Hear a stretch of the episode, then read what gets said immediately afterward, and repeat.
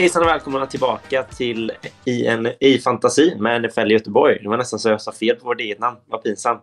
Eh, samma egentligen upplägg som, som förra veckan. Eh, vi kommer, kommer gå igenom allt man behöver veta inför vecka två. Allt man missade från vecka ett.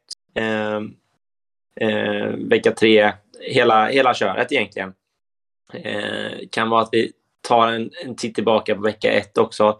Eh, men det, det, är mycket som, som kommer vara matnyttigt för er här. Eh, som vanligt så, så är Måns och Linus med. Eh, och denna veckan eh, har vi med oss en gäst till och med, eh, Jonas Hammarström. Eh, jag tänker du får, får gärna presentera dig lite, lite snabbt för oss här.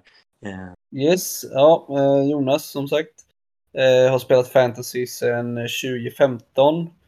Har sedan 2020 varit ansvarig i flera Dynasty-ligor och eh, framförallt inriktad på Dynasty men kört redraft i sex år. Gött. Och är Chicago Bears-fan. Ja, det förstörde lite Chicago Bears-fan där, men det var ju en bra start i alla fall. Kul att du var med. Hej då. Nej. Ja, precis. Du måste vara lite taskig mot, mot ja. ibland. Eh, jag tänker vi gör eh, som, som förra veckan egentligen och, och kika tillbaka. Och det här vill jag inte prata om egentligen, eh, men jag har väl inget val för denna veckan gick ju som förra veckan skit för mig. Eh, jag, jag, om man får lov att säga det så tycker jag inte riktigt det kanske var på mig denna gången. Jag tycker ändå det var på mina spelare. I ena ligan sitter jag på 68 poäng. Jag har Adams kvar, men det är liksom...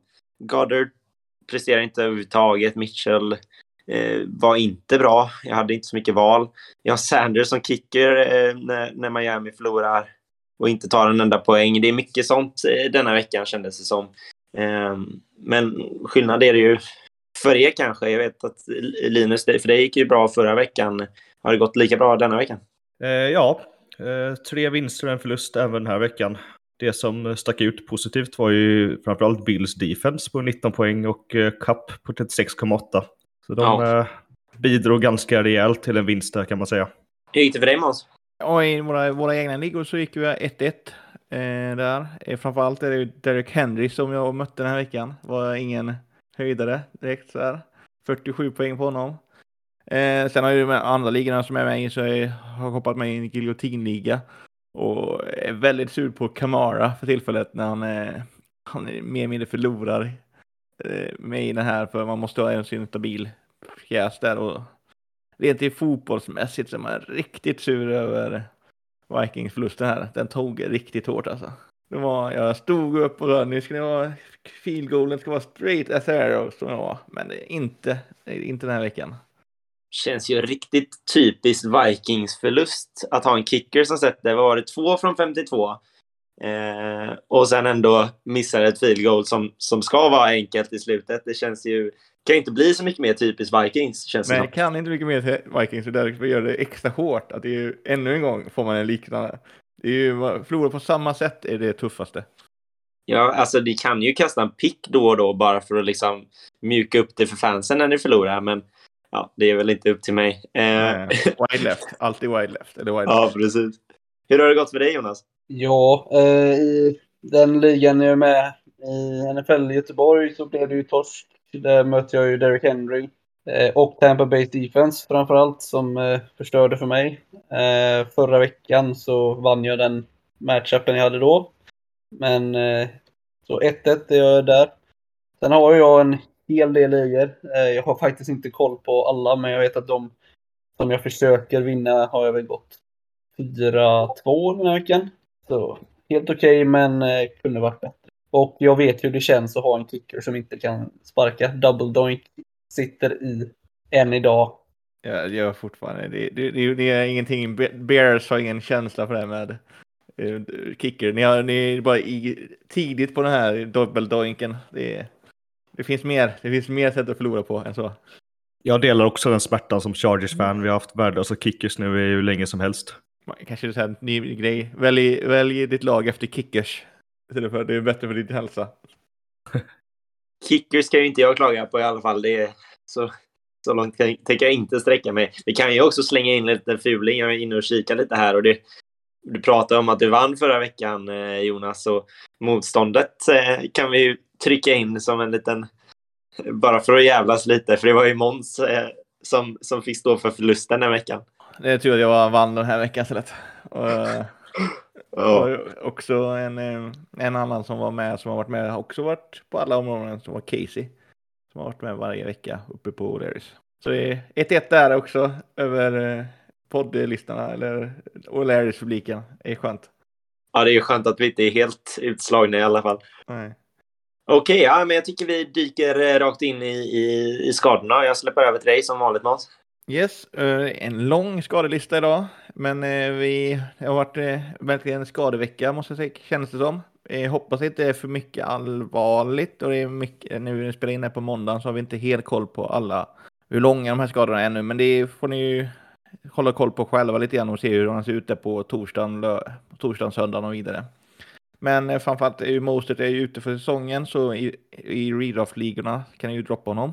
Elijah Mitchell eh, och eh, eller sen fortsätter vi där på 49, 49ers RBN är ju att eh, Elijah Mitchell och Michael Hasty båda två har fått eh, en hel del skador och eh, det var framförallt eh, Hasty som har eh, doubtful. Eh, Elijah Mitchell är bara questionable den här veckan. Och slutligen där i RB-rummet i San Francisco är Troy Sermon fick en eh, concussion protokoll på sig nu så men han kanske också är tillbaka nu nästa vecka eller kommer tillbaka vecka fyra. Vad säger ni om det här 49ers-rummet? Vad gör vi med det? Ja, Mitchell spelar ju ändå klart matchen. Eh, det jag såg i alla fall, jag har för mig att han, att han var med där kom tillbaka efter, efter Sermon skadade sig. Han känner väl inte jättenojig över kanske. Eh, men hjärnskakningar är ju luriga, alltså man vet inte riktigt. Det kan ju vara allt från en, några dagar till, till längre liksom. Så att eh, Sermon tror jag man ska mm, hålla, hålla ögonen på. Och sen är det liksom, alltså, vad, vad gör Niners om, om, det- om vi leker med tanken att Sermon inte är kvar? Alltså, har de någonting i, i RB-rummet förutom Mitchell då? Det är, då börjar man ju komma ner till riktigt kassa, kassa spelare. Så att, eh, ja. Då är det girly time. Nej. Jag menar, de, har ju, de har ju en trade där som de har gjort med, men det var ju special teams eh, trade från Cannon som var delade backfield med eh, Tyson Williams i Ravens eh, vecka ett, om jag inte minns helt fel. Eh, så har de ju fått in eh, eh, Cannon där, men jag tror fortfarande inte att det det är Elijah Mitchells, Elijah Mitchells eh, tur där fortfarande. ja, det känns så. Det man ska komma ihåg med Sermon också är att han har en gedigen skadehistorik från sin eh, collegekarriär. Så att nu har han, vad jag kommer ihåg, bara haft en concussion i sin collegekarriär. Men han har också haft skador med axlar och armar. Så det är någonting man kan hålla koll på honom långsiktigt också. Om man eh, tänker eh, resten av säsongen. Att han eh, har en förmåga att skada sig. Det tråkiga med Sermon var ju också att det var hans första play han någonsin tar tag. Så visst, han fick upp en first down, men eh, sen eh, trippel hjärnskada på den nästan. Både eh, armbågen, hjälm och eh, marken. Så det var ingen, eh, ingen höjdare. Vi fortsätter eh, vidare här. Ehm, att eh, även i Jaguars hade ju Laviska Chenot en eh, shoulder injury. Väntar, där väntar vi på ett svar från MRI för att se lite hur det ser ut. Och eh, även eh, Dalvin Cook eh, hade en high sprain, eh, eh, high ankle sprain, och, eh, men han är questionable till eh, vecka tre och den verkar vara day to day. Eh, om vi har Danna här vid eh, Dalvin Cook, vad ser vi då? Jag, jag tyckte inte han såg så himla... Att att skadan såg så himla farlig ut under matchen. Sen, sen vet man ju aldrig med de här att det är... Alltså det är ju inte ovanligt att det kommer liksom dagen efter att det är då de känner av det och då, då kan de liksom inte påbörja det igen. Alltså det, det funkar medan de är igång men så fort de liksom släpper så, så kommer skadan på riktigt. Så det, det, det är jättesvårt att säga med de här typerna av skadorna tycker jag. Ja, Men är han borta så är det ju ett jättetapp både för, för Vikings men också för, för fantasy managers. Alltså jag menar, visst, han hade ingen TD denna, denna veckan, men eh, vad var det, 160 yards eller något sånt där. Så att, eh, det, det är ju ett jättetapp såklart. Eh, men eh, man får ju kolla upp en Mattisson kan väl vara värt om han finns kvar och har, man har, nu har Dalvin Cook är ju alltid bra att plocka upp Madison nu Men han är nog oftast upp, redan upplockad kan jag tro. Ja, och Mattison såg bra ut i matchen också tycker jag. Ja, ja. Det... Jag har ju han eh, Mattison på bänken om det skulle behövas. Så att den handkaffen är redan fixad. Perfekt. Eh, om vi då vidare med till QBs. Carson Wentz har vi i Colts. Han fick en liten ankle, right ankle injuries. Och där verkar vi också vänta på en MRI. och- Men eh, questionable till vecka tre. Och eh, om vi fortsätter i Colts är Paris Campbell där har fått en, eh, abdom- en mage, mage-injury. Och är week to week. Men kanske någon gång till fyra, fyra, vecka fyra.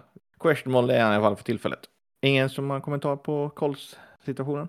Ja, men jag, man kan väl säga att Wentz har väl total otur med sina skador. Jag tror han har väl haft en säsong när han har spelat, eller om det är två i sin karriär när han har varit frisk hela grundsäsongen. Men man blir lite misstänksam när det står enkel om det är att han har förvärrat sin fotskada. Att man blir lite fundersam kring det. För han opererade ju foten och kom tillbaka lagom till vecka ett. Men frågan är om det verkligen är ankeln eller om det är foten. Och det, han, han stod ju på bänken, han gick ju inte ut.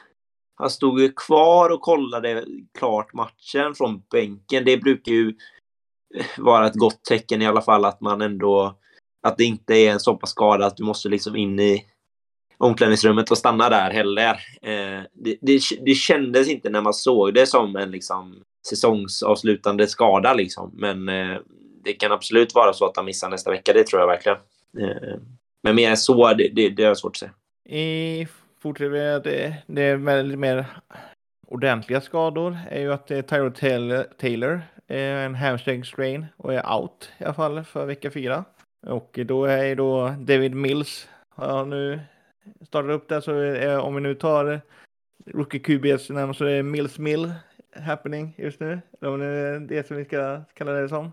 Eh, jag tror väl inte att jag skulle plocka upp en David Mills just nu ändå, men eh, det är i alla fall en ny QB i Texans för tillfället. För Tyrod har ju sett rätt, riktigt bra ut dock, de, veck, de två veckorna han spelade. I alla fall mot vad jag trodde han skulle se ut. Verkligen, verkligen.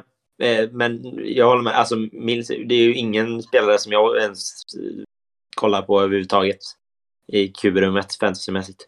I redraft-ligor framförallt. Kanske i Dy- Dynasty, Jonas här kanske håller annat. Fast även Dynasty, alltså jag vet, nej.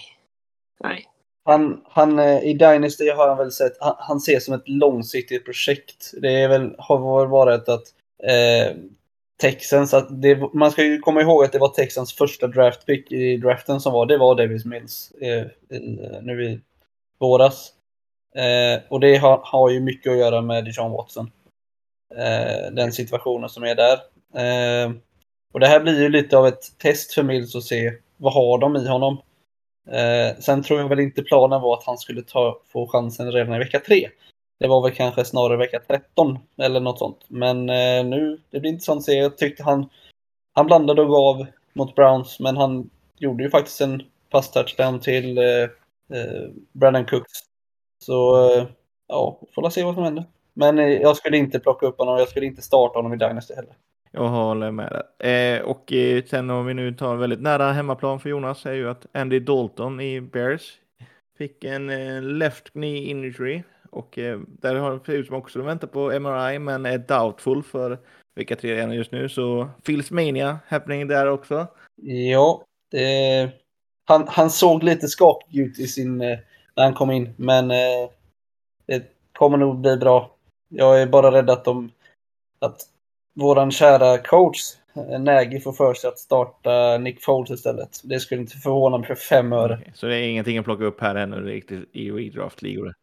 Oh, jo, plock, man ska, man ska, kan tänka att Fields kan man nog vara en bra pickup faktiskt. Eh, i, framförallt, alltså i redraft också. Till, eh, I längden om han finns tillgänglig. För jag tror han kommer eh, bli bättre ju längre säsongen går. Jag kan tycka att spelmässigt så, så kan inte jag köpa att starta Foles vecka tre. Om det är han som är, om det är, han som är QB den veckan. Ja, för alltså, har du, eft- eftersom du har den möjligheten och tanken är ju uppenbarligen att, att Fields inte ska få chansen i början på säsongen. Då känns det ju nästan taskigt, om man ska uttrycka sig så, att slänga in han för en match, om nu Dalton kommer tillbaka vecka, ja, vad blir det, fyra? Jag tycker det känns lite, lite ovärt att slänga in en rookie för, för liksom en match och sen ta ut han igen. Då, då känns det snällare att liksom ge han en, en ärlig chans, vilket jag inte tror att de kommer göra eh, om, om Daltons skada är, är minimal nu. Det, så det, det är väl så jag hade sett på situationen. Ja, nej, alltså jag tänker, nu är det ju Browns, de har ju ett väldigt bra defense, kan man ju komma ihåg. Eh, väldigt bra front seven framförallt. Och Chicago Bears offensive line är inte eh, den bästa i ligan direkt. Eh, men däremot, det jag tänker på är vecka fyra, då möter de Lions. Och där tror jag planen har varit att Fields ska få chansen att kanske spela en halvlek i alla fall. Eh, men det beror väl lite på. Field, eh, Foles har väl varit man har väl försökt shoppa honom till Jets eh, för att Jets ska få en veteran backup där. Men de har inte nappat. Så vi får väl se vad som händer. Eh, vi går väl vidare här. Vi är ju förvaltare fantasypodd så vi kan inte, samtidigt ska vi prata lite annat också. Det är fotboll överlag. Så det är lätt att man pratar det ändå så är det fotboll vi spelar fantasy i. Eh, vi har ju Daryl Henderson i Rams. Eh, har fått en ribbskada och det var väl bruised sa vi va? Det var en week to week. Men eh, just nu står han i alla fall som questionable till vecka tre. Vi får se. Eh, Josh Jacobs i Raiders eh, har fått både tå och en eh, axel injuries. Så, så han är day to day också. Nej, ankle injury var det nog. Ankle injury, okej. Okay ankle injury. Så det är questionable där också. Vi kan väl ta även i vidare till Steelers att Deontay Johnson hade en right knee. Men den var väl, kom väl till att det var rätt positivt där va? Ni som hade läst på precis innan här. Ja, eh, Michael Ruffolo hade precis nu gått ut med att skadan är absolut inte season ending. Eh, däremot så kan han vara out för vecka tre. Eh, så man bör hålla koll på skaderapporterna under veckan. Eh, men som det ser ut, enligt Garofolo i alla fall, så ska han inte vara season ending i alla fall. Och det är ju alltid skönt när det kommer till knä. Ja. Och eh, sen har vi Seahawks, eh, Dico Metcalf, Dico Metcalf har ju en left eh, knee. Men han är troligtvis eh, probable för vecka tre och eh, Rashad Penny är doubtful. Och vi kanske kommer tillbaka till vecka fyra var det som jag har här framför mig. Det var en calf strain där som jag såg. Men eh, det var väl nog. Eh, sen har vi faktiskt några övriga här på defense-sidan. Att det är Eagles O-line i Brandon Brooks, har Peck, Brandon Graham i eh, defense end där i Eagles har Killness. Eh, Titans O-line med Taylor Levan. Han fick ju, han skadade sig på pregame warm-upen som vi är som. Att, eh, och eh, limpade av och spelade aldrig den här matchen. Eh, aldrig säkert när man får eh, non-contact injuries. Känns aldrig bra. Eh, Broncos eh, linebacker Bradley Chubb, ankle. Broncos linebacker igen med Yoshi Joel, en torn pick. Steelers D-line, Tyson Alulai med en ankle och Steiners eh, linebacker T.J. Watt groin. Och sen slutligen Demarc Dallas med DeMarcus Lawrence som fick en hotskada. Så eh, det har blivit en hel del tapp den här veckan i alla fall. Ja, ja inget ovanligt egentligen kanske eh, med, med mycket skador. Framförallt i början på säsongen. Eh, men det, det, här är också någonting om man ska se det fantasymässigt. En spelare vi pratade precis om eh, om, eh, om eh, defense, liksom hur det kan påverka en, ens fantasy lineup. Eh, till exempel med, med Fields då, hur det ser ut eh, och, och hela de här grejerna. Så det är absolut någonting man ska ha koll på också. För man tänker sig att ja, men Broncos defense, de är väldigt bra pass rushers. Chubb är där. Eh, jätte, jättebra spelare. Liksom. Är han inte med i matchen så kan ju det påverka rejält hur, hur, det, hur det ser ut fantasymässigt och vad det är som, som faktiskt händer. Så att, det är absolut ingenting man ska bara bortse ifrån att, eh, att det är skador på defense heller. Eh, även fast man kanske inte kollar specifikt på, på defense i fantasy. Men, men vilka som står på andra sidan där. Är det en o-line-skada? Titans, påverkar det eh, springspelet i Titans? Eh, hur ser det ut för Henry när han inte har sin left tackle eh, där liksom? Så absolut grejer man ska ha koll på också, tycker jag. Exakt. Eh, men eh, det är, jag tycker väl att det är, det, man får ju komma ihåg att det defenset är ju, förändras ju väldigt mycket vecka till vecka. Och det handlar om mycket matchup tycker jag. Men sen är det också, det måste ju finnas bra spelare där också. Är samma defense är inte vecka 1 och vecka 2, vecka 13 är inte samma defense riktigt. Så man måste ju hålla koll på båda sidor om bollen. Verkligen. Eh, jag har redan nämnt den här traden som vi pratade om, att det var en liten trade mellan Ravens och 49ers. Så jag tycker vi hoppar vidare till segmentet. Yes. Ja, men vi hoppar direkt in i, i Står du på dig? Eh, och tittar tillbaka eh, på, på förra veckan. Eh, vad sa vi då? Vad tänkte vi då? Eh, och Måns får, får börja eh, sitta sitta, sätta sig ner och, och, ha det lite jobbigt här i några minuter. Eh, en liten snabb recap på hur, hur segmentet fungerar. Vi kommer ju eh, prata om spelare som vi antingen tyckte väldigt positivt eller väldigt negativt om förra veckan. Eh, jag har gått tillbaka, rullat tillbaka bandet, kollat på de här spelarna vi pratar om eh, och se vad det är som faktiskt hände eh, denna veckan som var. Eh, och i det här segmentet så får du ju bara säga om du står på dig eller så får du be om ursäkt. Och står du på dig, ja, du får en chans igen nästa vecka.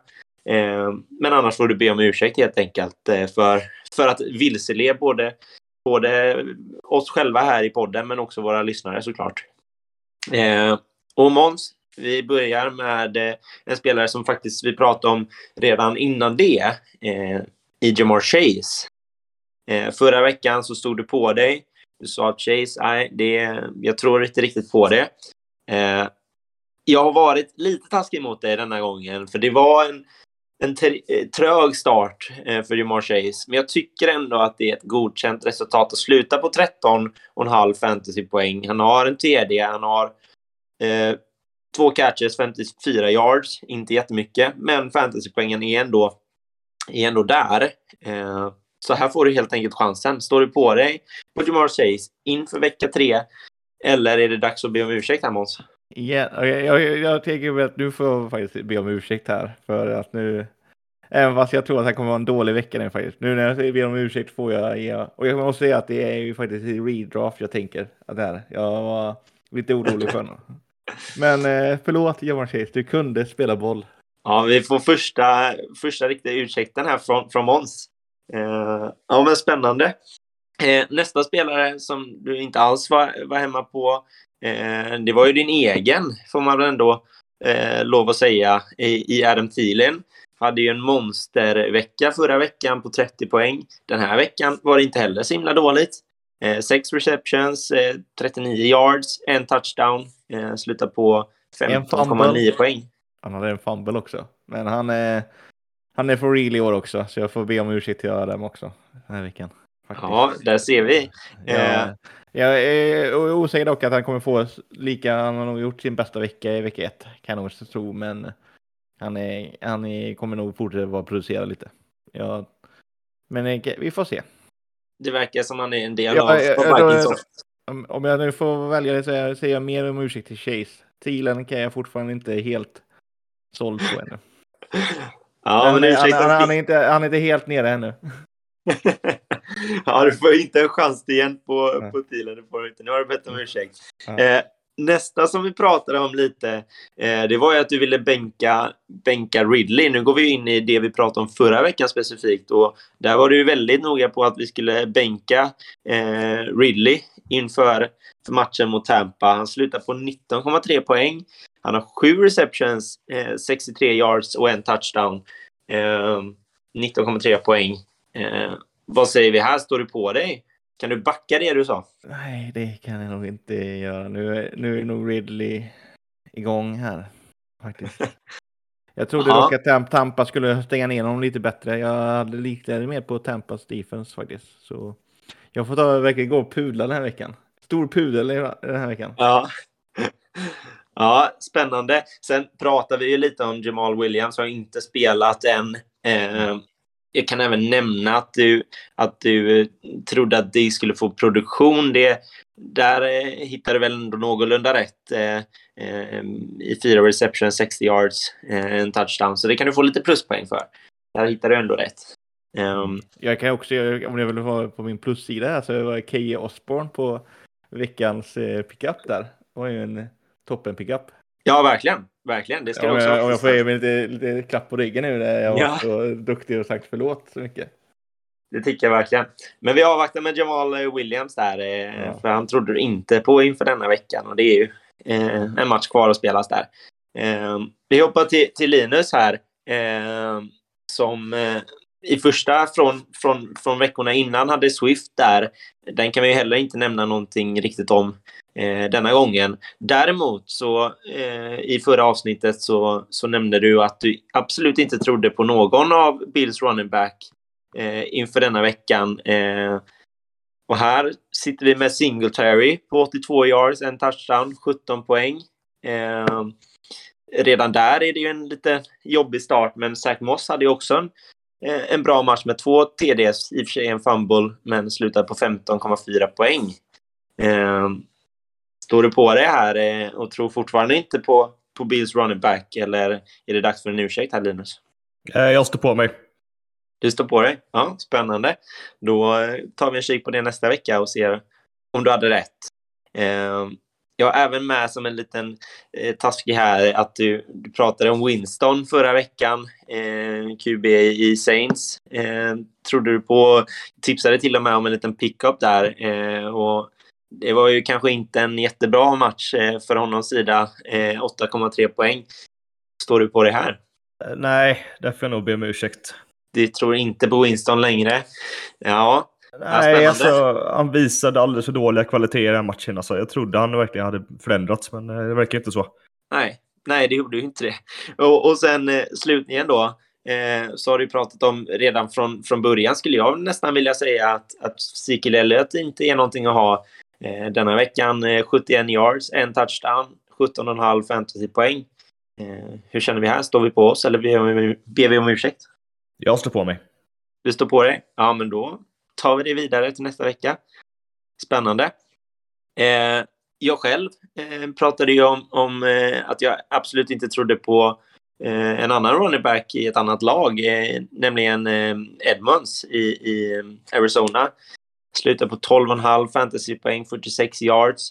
Eh, här står jag på mig. Eh, det, det gör jag verkligen. Jag tror fortfarande inte på, på det running back-rummet. Eh, Moster däremot eh, får jag ju självklart ta på mig. Jag trodde ju starkt på honom och, och pratade om att jag ville ha honom fastän eh, eh han var skadedrabbad och här visade det sig ha väldigt fel. Eh, så det får jag verkligen be om ursäkt för. Eh, måste gå ner direkt egentligen. Eh, och det finns inget, inget kvar att hämta. Eh, så den, den ber jag som helst, så hemskt mycket om ursäkt för. Eh, och nästa spelare som jag var väldigt stark i att säga att jag absolut inte trodde på var ju eh, min egen lilla hjälte i Rob Gronkowski. Eh, och här får jag ju verkligen be om ursäkt. Eh, gisses vilken match han hade eh, mot, eh, eh mot eh, Falcons. Eh, det var eh, riktigt imponerande och känns verkligen som man kommer vara en, en tight att hålla ögonen på. Eh, Så verkligen. Däremot så vill jag ge mig själv lite pluspoäng i att jag säger att Brady kommer ha eh, mer än 29 poäng sa jag förra veckan. Måns var inte alls med på det tåget. Eh, eh, och jag hade väl lite tur där. Han slutade på 29,6. Så att jag kommer ändå undan med minsta möjliga marginal. Det var bra Ja. tur ibland. ja, ja, det är ändå fem TDs där. Det är en liten fumble som, som skrämde mig där på slutet. Men eh, eh, det löser sig till slut ändå eh, för mig. Ja, spännande. Vi kommer ju få ha lite straff där för de här eh, spelarna vi inte riktigt tror på. Men det kommer i sinom tid. Eh, tro mig, jag har koll på vad vi, vad vi säger och vad vi tycker och vad vi menar. Spännande. Ja, vi, vi eh, går vidare till nästa segment. Eh, och det är ingenting annat än en eh, No Name Big Game. Och denna veckan, ja, det är ju Freddie Swain som eh, sticker ut och är, var väldigt intressant eh, i Seahawks. Eh, vi börjar väl med den, den intressanta frågan egentligen. Hade vi koll på Freddie Swain eh, innan matchen? Jag kan ju börja här så tar jag ledning här och säger att eh, jag hade koll på det för att vi har en som jag och eh, Jonas är med i en liga där eh, en väldigt glad Seahawks-supporter plockar upp honom i varenda, varenda draft mer eller mindre. Känns som. Och där har jag koll på vem det var. Och eh, jag blev väldigt så glad över att det det här har jag koll på. Det här har jag koll på innan. Eh, eh, Sen visste jag om att det här ligger jag bra till. Ja, Men sen, sen är jag inte så... Eh, jag är inte helt säker på att jag kommer repeata det här, men vi får väl hoppas på det. Men... Ja, det, det, vet, det är 17. Men eh, ja, spännande. Linus, hade du någon, någon koll på Freddie Swain? Eh, ingen aning. Och han är ju roster 0,1 procent, så jag känner att det är inte så dumt om jag hade missat honom. Nej, nej verkligen. Jag, jag, jag hade hört namnet, men jag hade inte kunnat koppla det. Ja, möjligtvis att jag hade kunnat koppla det till, till Seahawks, men inte mycket mer än så. Eh, det är verkligen en, en no-name för mig. Hur känner du Jonas? Eh, Måns pratade lite om att det är en Seahawks-supporter som plockar upp honom överallt. Hade du någon, någon koll på det innan det då kanske? Eh, ja, lite grann. Alltså, Seahawks har ju... De draftar ju wide receivers lite här och var för att de behöver dryga ut sitt eh, wide receiver-rum. Så beat reporters för Seahawks har väl pratat upp Freddie Swain lite grann. Eh, men det är väl ungefär som, som Måns säger. Det är, det är ju tack vare Seahawks-fansen man som man spelar Dynasty med, som man lite grann visste vem det var. Sen kan jag ju bara eh, flika in nu att Adam Schefter precis nu eh, eh meddelar att eh, Signalt Sinalt eh, kommer spela på söndag. Han är eh, fit for fight. Yes! Äntligen kanske vi behöver få en Laviska Chinot gör en... Så mycket jag har plockat upp, så många shares jag har honom. Jag tror jag nästan åtta av nio ligor av de som jag bryr mig om så eh, har jag, har jag plockat upp honom. Så jag är lite hoppas att det går bra för honom. Om du skulle behöva eh, trycka in dig för nästa vecka, står du på dig? Hur kommer han vara nästa vecka? Oh, eh, ska se, nu har jag inte, jag har inte, ska jag kolla upp vad han har för matchup den här veckan. Eh, han har... För det, det är ju spännande, det är ju verkligen en spelare som eh, som du säkert har påverkat många av våra lyssnare på att plocka upp i sina ligor. Eh, det känns ju verkligen... Ja, jag, plockade, jag plockade upp honom innan de hade chansen. Så ja, i och för sig. så jag skulle säga... Mm, jag, jag skulle sätta mig på styva linan och säga att han får... Han har mot Arizona den här veckan. Och när Key Osborne får... Eh, jag säger över 15 poäng på Laviska den här veckan. Över 15 poäng? Spännande. In, bara, bara stabil produktion vill jag se. Men okej, okay, om, om vi tänker långsiktigt istället då. Eh, en långsiktig produktion, finns det där? Det tror jag. Det, det tror du fortfarande på? Det tror jag verkligen på. Han är, mm. är, han, är han, som han ska planeras användas, är det mycket produktion kvar i det där. Hoppas jag. Spännande. Annars, annars får jag äta ordentligt. Ja. äta upp en hatt ordentligt. Verkligen. Eh, ja, nästa fråga om, om eh, Freddie Swain. Är, är han värd en, en, en pickup? Är det någon man faktiskt ska hålla ögonen på? Jag säger håll ögonen med ingen pickup i redraft-ligor. Ja, jag kan jag hålla med om. Eh, jag, jag, jag, om man inte är en väldigt stor Seahawks-supporter så kan man få göra det innan. Det är väl enda gången man kan. Och man ja, hade väldigt, väldigt tomt på bänken. Men jag tror inte det finns ofta finns andra jag prioriterar den här veckan också. Faktiskt. Ja, och det ska ju också nämnas att det var en väldigt, det, det var en lång touchdown som man fick poäng på. Eh, jag har inte exakta måttet i huvudet, men det, det var ju liksom ja, 68 yards. Eh, så där har du en, en catch på 68 yards av de 95 han plockar upp. Sen har han fyra catches utöver det. Förra veckan hade han 0,5 fantasypoäng på en rush på, på 5 yards. Eh, så att och det var ju lite som, som, som du var inne på Måns förra veckan, att när man kollar på sådana här spelare så måste man ju se att det ligger en produktion bakom det hela. Eh, och visst, fyra catches är ju rätt så, så, så okej okay för en sån här typ av spelare, men i och med att han inte hade en enda catch förra veckan så, så ska man vara lite försiktig tycker jag. Verkligen. Har du något annat att tillägga Jonas? Du som har koll på de mesta. Eh, det man ska tanke på med Freddie Swain också det är att Seahawks draftade ju Dwayne Eskridge som skulle ha ungefär samma roll. Eh, nu har han ju skadeförföljd. Eh, så om Dwayne Eskridge är frisk så tror jag Freddie Swain hamnar på bänken. Men Dwayne Eskridge brukar vara skadad höll jag på att säga. Men han har också en hel del skadeproblematik. Så Freddie Swain kan vara bra att hålla ett öga på, men som Måns säger, ingen pickup den här veckan. Nej. Ja, vi hoppar väl direkt in i, i, i nästa segment. Eh, ett som visar sig vara, eller vad jag tycker är nästan vårat, eh, mitt favoritsegment som vi har i eh, What the fuck is going on dude? Ja, jag bara What the fuck is going on dude? Um, och i det här segmentet så, så håller vi ögonen på vad, vad det nu är som händer. Alla överraskningar runt om i, i ligorna som vi har och en, en framförallt eh, rolig What the fuck is going on dude denna veckan eh, där vi börjar prata om eh, Cordell Patterson. Eh, jag kommer ihåg han från, från Patriots-tiden. Eh, verkligen en, en special team-spelare i mina ögon och så helt plötsligt blivit någon slags eh, ja, jag vet inte, running back, wide receiver, eh, tight end nästan ibland känns det som. Eh, Eh, väldigt hybridspelare och förra veckan så kan man ju lugnt säga att det gick bra. Vad, vad har vi att säga om eh, Patterson? Ja, som en gammal Vikings, eh, Vikings-spelare så är han absolut intressant nu i, i sitt nya miljö här i Atlanta där det verkar som Mike Davis har inte haft samma, eh, samma de levt upp till de förväntningar som var på honom och jag tror om inte jag minns helt fel så är ju eh, utav de som är listade som eh, running backs i Atlanta så är ju Cordell Patterson nummer ett där med eh, båda veckorna nästan. Nej, han var, fick lite, Mike Davis var lite bättre förra veckan. Men eh, Cordell Patterson har ju varit riktigt bra och han är ju fantastisk att han är både en wide receiver och en running back i, i av många ligor. Det är många system. Ja, och här har vi ändå lite produktion bakom det hela. Han hade 54 yards förra veckan, 8,7 fantasypoäng. Kanske ingenting att hurra över egentligen, men det är ändå lite produktion där. Denna veckan är det både en touchdown rush och reception. Han har 58 receiving yards, 11 rushing yards, ehm, 5 catches. Så det eh, slutar på, på 23,9 poäng, vilket man såklart inte kan bortse ifrån.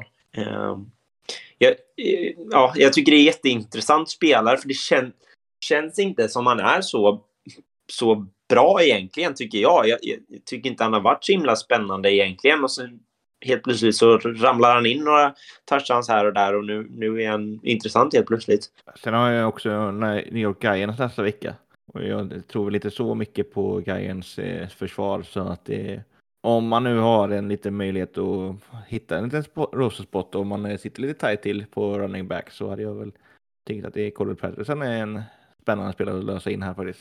Det, det jag däremot skulle tänka på då, eller så, det som, som jag tycker är intressant med det är ju att frågan är om inte det kommer, alltså Giants-motståndet kommer göra att passningsspelet kommer vara ännu mer prioritet än vad det var mot, mot Tampa. Det är väl enda som, som jag skulle lägga in som en liten oro kanske är att, är att jag tror att Falcons vill vara ett, ett passningslag. Jag, jag, tror att de vill använda Ridley, jag tror att de vill använda Gage och, och, och, ehm, och, så, sådär. Så att, det, det är väl lite det jag skulle oroa mig för, att Persson kanske inte får riktigt den, den rollen som han fick eh, mot Tampa. Och det var mycket, eller mycket av det jag såg i Perssons produktion var ju också mycket alltså, utanför liksom linebackers. Alltså, de vill verkligen ut för att liksom komma bort från Tampas väldigt bra front seven. Så vill de liksom ut därifrån och jag tror inte riktigt den, den spelbilden kommer vara mot Giants då det inte är samma press. Så det skulle jag väl vara lite orolig för. Men um, ja, ja, nästan att man kan tänka sig en pickup här. Det skulle jag nog vilja påstå.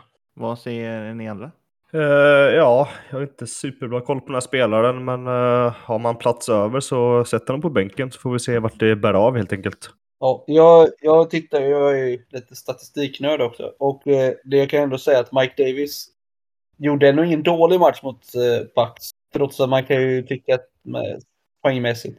Men att ha 4,2 yards average jämfört med Sik som har 3 är ändå okej. Okay. Och sen ändå ha sju receptions. Det borde ju gott. Men Patterson tror jag kommer ha en helt okej okay match mot Giants. Giants har en väldigt bra rush defense, men det är typ det enda de har som är bra. Eh, och eh, Bradbury, deras eh, number one corner. Men eh, då, Patterson kan nog funka som en gadget player, men han behöver nog göra en touchdown för att vara värd att starta och det kan man ju aldrig garantera. Jag, jag, jag tror heller inte att... Jag, jag, tror att Bradbury kommer ha problem mot Ridley. Jag, jag, jag tror att, att Falcons wide receivers är mycket bättre än, än, än vad Giants secondary är. Så att det, det är det jag skulle vilja säga här, att det är därför jag är orolig över, över produktionen från egentligen både Mike Davis och Patterson. Eh, att jag tror inte det kommer vara en springspelsmatch för Falcons eh, nästa vecka. Jag kan ju lägga ut en liten varning också för, i positiv bemärkelse för Kyle Pitts. Jag tror han kommer ha en ganska bra match mot Giants om det inte är så att de Bradbury skiftar mellan Ridley och Pitts. Men eh, då har nog Pitts möjlighet att kanske göra sin första touchdown. Ja, det tror jag verkligen. Då får Absolut. du kanske vara med i Står du på dig längre fram. Ja, precis. Ja. Skicka ett litet sms till henne när det börjar bli dags så får vi se hur det ser ut. Eh, ja, nästa spelare som vi undrar vad det är som händer. Någon som absolut inte i mina ögon hade produktion överhuvudtaget eh, första veckan, men som helt plötsligt bara exploderar. Eh, kanske inte jätteöverraskande eh, om man ska vara helt ärlig. Eh, men det är såklart Henry vi pratar om. Eh, han traskade fram ordentligt mot, mot Seahawks. Vad säger vi? Vem börjar? Vill du börja Måns? Jag kan börja. Jag, kan, jag har skrivit upp det, men jag tänker att eh, Henry har ju haft eh, jätte, han hade en jättematch. Jag var lite, lite sur över att Henry var så bra den matchen, för jag hade ju hoppats att Tannehill och A.J. Brown hade fått lite mer och, poäng också i fantasy, och vilket gör att jag är jag trodde de hade låg under en hel del och det var ändå så lutar man sig så mycket på springspelet. Och, eh, men det fungerade. Men jag hade ju hoppats att man hade fått att Tannehill i alla fall skulle kasta någon touchdown istället för noll touchdowns och att eh, A. Brown hade gärna fångat upp det där. Och vilket gör att om Cordell, eller Derek Henry ser ut som här så blir man ju väldigt osäker på vad man ska göra med sina QBS eller sin Tannehill och A. Brown i framtiden. Men eh, jag, jag är inte helt loss på dem ännu, men Derek Henry, vilken spelare. Men eh, vad gör jag med resten av eh, det, detta anfallet? Ja, jag, jag vill hålla med dig. Det, det, jag vill i och för sig eh, nämna Julio Jones här. Eh, för han ligger ju ändå på 128 yards. Eh, sex receptions. Det finns ju ändå någonting där i, i, i luften för, eh, för Titans. Eh, och Julio Jones tycker jag, alltså jag tycker han såg riktigt bra ut.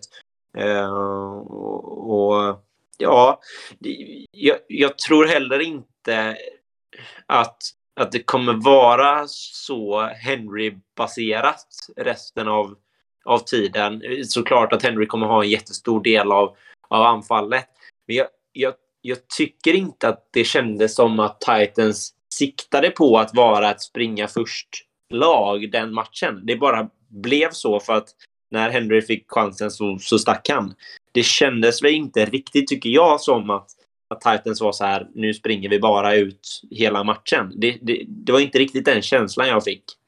Uh, det var bara att Henry är liksom för bra. Han behöver inte så mycket chanser för att sticka iväg och göra 47 fantasypoäng.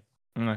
Så jag ser, ser inte riktigt en framtid där, där, där det kommer se ut precis så här. Det, det tror jag inte.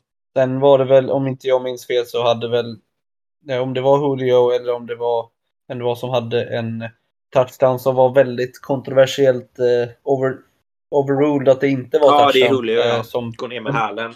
Ja, som de, som de borde fått. Och det, eh, för den ser ju ut att vara, verkligen vara inne. Eh, och då hade ju Tannehills statistik sett lite bättre ut. Men ja, den stora utropstecknet jag har från den här matchen det är att Derrick Henry sätter pers personligt rekord i antal receptions i en match. Han har sex ta target och sex receptions. Det har han inte haft varken i college eller i NFL tidigare. Det är det största jag tar med mig från den här matchen faktiskt. Att, eh, att Henry är så pass okej okay, eller till och med bra i pass game nu också. Det gör han riktigt eh, farlig i fantasy. Ja, det kan jag hålla med om också. Jag vill också nämna att, att Julio Jones där, eh, det var ju att han hade tån inne och sen så rullade han ju ner på hälen som råkade vara utanför. Ja, du, du, regeln är väl att du måste du, du får inte gå ner med hälen om det ska räknas då. Då måste du ha tåspetsen ute hela tiden tills du liksom har full kontroll. Det är ju en jättekonstig regel. Du kan tappa den, egentligen kan du bara tappa den egentligen. Du kan tappa Exakt. den. Men går du ner med hälen så måste hälen vara nere. Det är en jättekonstig regel verkligen. Ja. Jag tycker också det är... Jag tycker bättre bara, då gör man bara en, alltid en tap då, får man träna på det. Men jag blev lite, lite sur på hur regeln är. Men, eh, Ja, men om, om, vi, om vi tänker så här då, för Henry hade ju inte en bra vecka ett. Va- är- det här så vi, så vi kommer se Titans nu? För det, de, de har ju inte alltid Henry ute så som de har haft tidigare. Det har ju varit mycket mer Henry ute på, på planen än, än, vad vi har, än vi har sett nu i början, även fast han har den här monster, monsterveckan. Eh, för han hade inte en jättebra match mot, mot Arizona vecka 1. Eh, han har bara 58 yards eh, och mycket av det kommer i slutet på matchen. Eh, är det här beroende på motståndet och helt plötsligt är det för att Arizona gör så mycket poäng så snabbt att de inte kan förlita sig på springspelet? Är, är det något sånt vi behöver vara oroliga för? för det, eller är det att nu har Titans bestämt sig, nu är det den här fotbollen, fotbollen vi ska spela? Tycker jag är en intressant fråga. Vad, vad känner vi om det? Mm, jag har svårt här. Jag tänker. Alltså jag, jag tänker så här, de har ju bytt offensive coordinator. Deras gamla coordinator är ju Falcons nya head coach i Arthur Smith. Eh, men jag tror, men det som gjorde mig intressant i den här matchen, det är ju också att, som vi nämnde innan, att Taylor Devan lämnar matchen innan. Och att man då ändå, fok- och det kanske är därför man väljer att fokusera mer på run game. För att man inte riktigt litar på sin left tackle i pass game på samma sätt. Att det, kan, det är lättare för en offensive line att köra run game än att köra pass game. Så det kan ju ha någonting med, det, med den skadan att göra som gör att man blir så run heavy i den här matchen också. För jag, igen, jag, jag, jag, det känns inte som att Titans vill ha den här spelstilen på sina matcher. Det, det, det känns liksom som att de... För det, det är ju inte så att de kör över Seahawks här heller. Det, det ska man ju också ha med sig. Eh, och, och då är frågan, i, i en perfekt värld för, för Titans, vill de ha den här spelstilen? Eller vill de att Henry ska, ska komma in ibland och göra sina sjuka grejer och sen släppa över det till, till passningsspelet? Jag, jag tror inte att de vill ha den här, riktigt den här matchbilden. Eh, och det, det skrämmer mig lite från, från Henry-sidan att man vill inte ha den där böljande berg och dalbanan där han går upp och ner. Vi vill inte se han på 10 poäng nästa vecka. För, för då blir det helt plötsligt en, en fråga om ska jag starta Henry eller inte? Vilket vi egentligen aldrig har haft innan med, med Henry.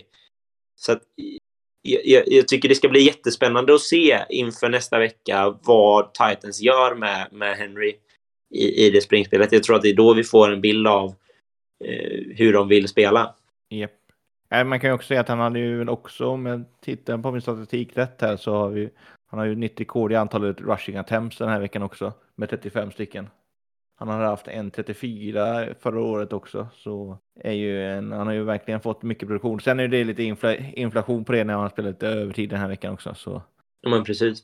Men eh, det är ju fortfarande, är, han har ju varit en monsterspelare som, eh, han, kommer inte, han har ju fått sin bästa, han är ju han är på sitt topp i år, men jag, jag, vill ju, jag räknar ju med att han kommer ju gå ner nu till kanske 25, 20, 30.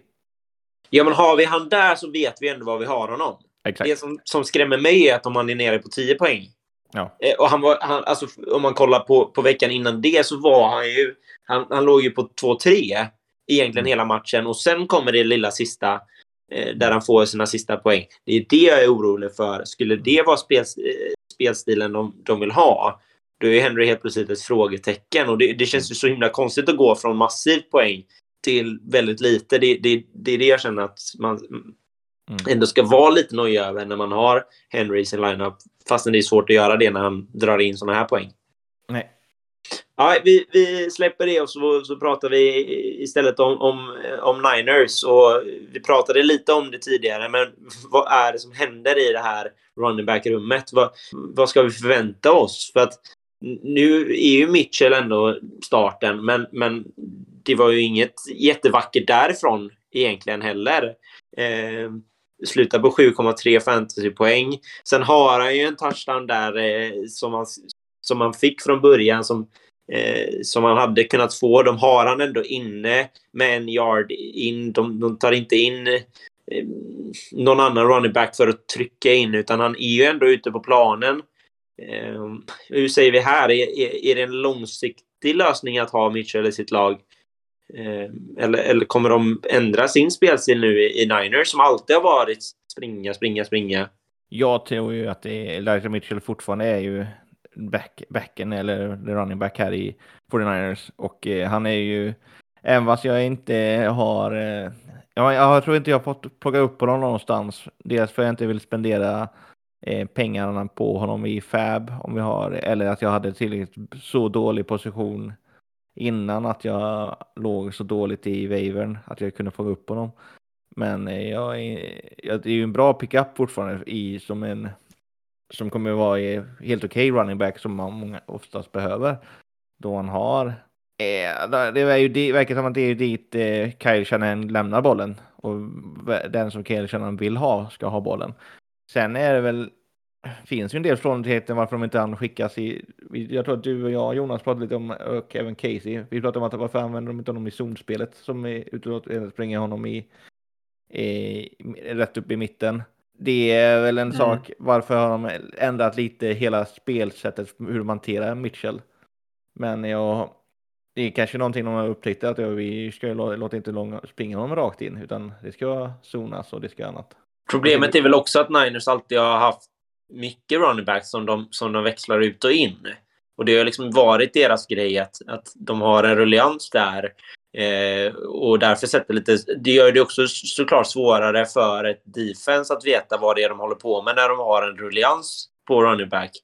Eh, det är väl också ett problem som man, man, man bör vara medveten om att det blir enklare för ett defense att läsa in sig bara på Mitchell än vad det skulle vara att läsa in sig på, på egentligen alla, alla running backs i Sermon eh, och i, i, i Mostard. Eh, så är det en jävla skillnad nu eh, när det bara egentligen är Mitchell om vi, om vi tänker då att, att hjärnskakningen håller Sermon borta nästa vecka. Eh, då, då tvingas ju Niners till att göra lite andra grejer med sitt running back-spel också. Och det är därför jag är inne på om, om de, för det verkar ju ändå som att de inte vill ha inne Sermon så mycket. Och då har de egentligen bara Elijah. Kommer de då ändra på sin spelstil och, och inte vara running back heavy lag? Det är, det är lite där jag undrar. Finns det i vecka sju fortfarande en poäng att starta Mitchell? Jag tror att Hasty kommer ha en ganska stor roll. Nej, han är väl ute. Ska vi se. Han, han är questionable just nu, men jag vet inte hur allvarligt det var. Det var rätt, jag såg rätt allvarligt ut. Eller var, du, du, jag kollade på det Jonas och men jag, mm. Linus också. Vi hade 49ers-tältet där, satt det på O'Larrys ordentligt ja. kollade, ja. analyserade. Vad säger du Jonas? Ja, alltså det är, ja, nej, men det är som eh, Måns säger att det känns som 49ers gick från att spela zon eh, run game till att köra i mitten. Och det begriper jag inte när Eagles har Fletcher Cox bland annat i eh, middle of the line som är väldigt bra run defender. Eh, sen det positiva är ju att det, Mitchell har 19 touches i matchen. Eh, Hasty är den som running back som har näst flest och han har fem. Eh, det är, nej eh, förlåt, han har 10 eh, touches totalt. Eh, men det är liksom, Mitch... det känns som Mitchell är den de vill. Sermon det låter på Beat Reporter som att Sermon har dålig attityd. Och eh, tycker att han är bättre än vad han är. Gör inte jobbet. Och Kalchen han är en sån coach och det var även hans far. Att sköter du dig inte och du inte tar för dig på träningarna så får du inte så heller spela match. Och det är väl lite det som är Mikkel har väl kommit in och varit bättre på träningen helt enkelt. Och det är ju det som gör att han får spela. Jo, precis, men även där så är det ju... Vi slutar ju ändå matchen med 42 yards. Visst, 11 receiving yards, men det, det, det räcker ju liksom inte heller. Det, det, det, saknas ju fortfarande någonting, känns det som. Men eh, här är väl lite samma sak som med Henry, tycker jag. Att vi behöver se Mitchell en vecka till för att se vart ligger vi eh, ungefär. För att visst att han får touches, men vill ju ha yardsen på det också. Vi vill ha touchdownen. Vi vill ha vi vill ha mer från Mitchell känns det som. Och frågan är då om man får det.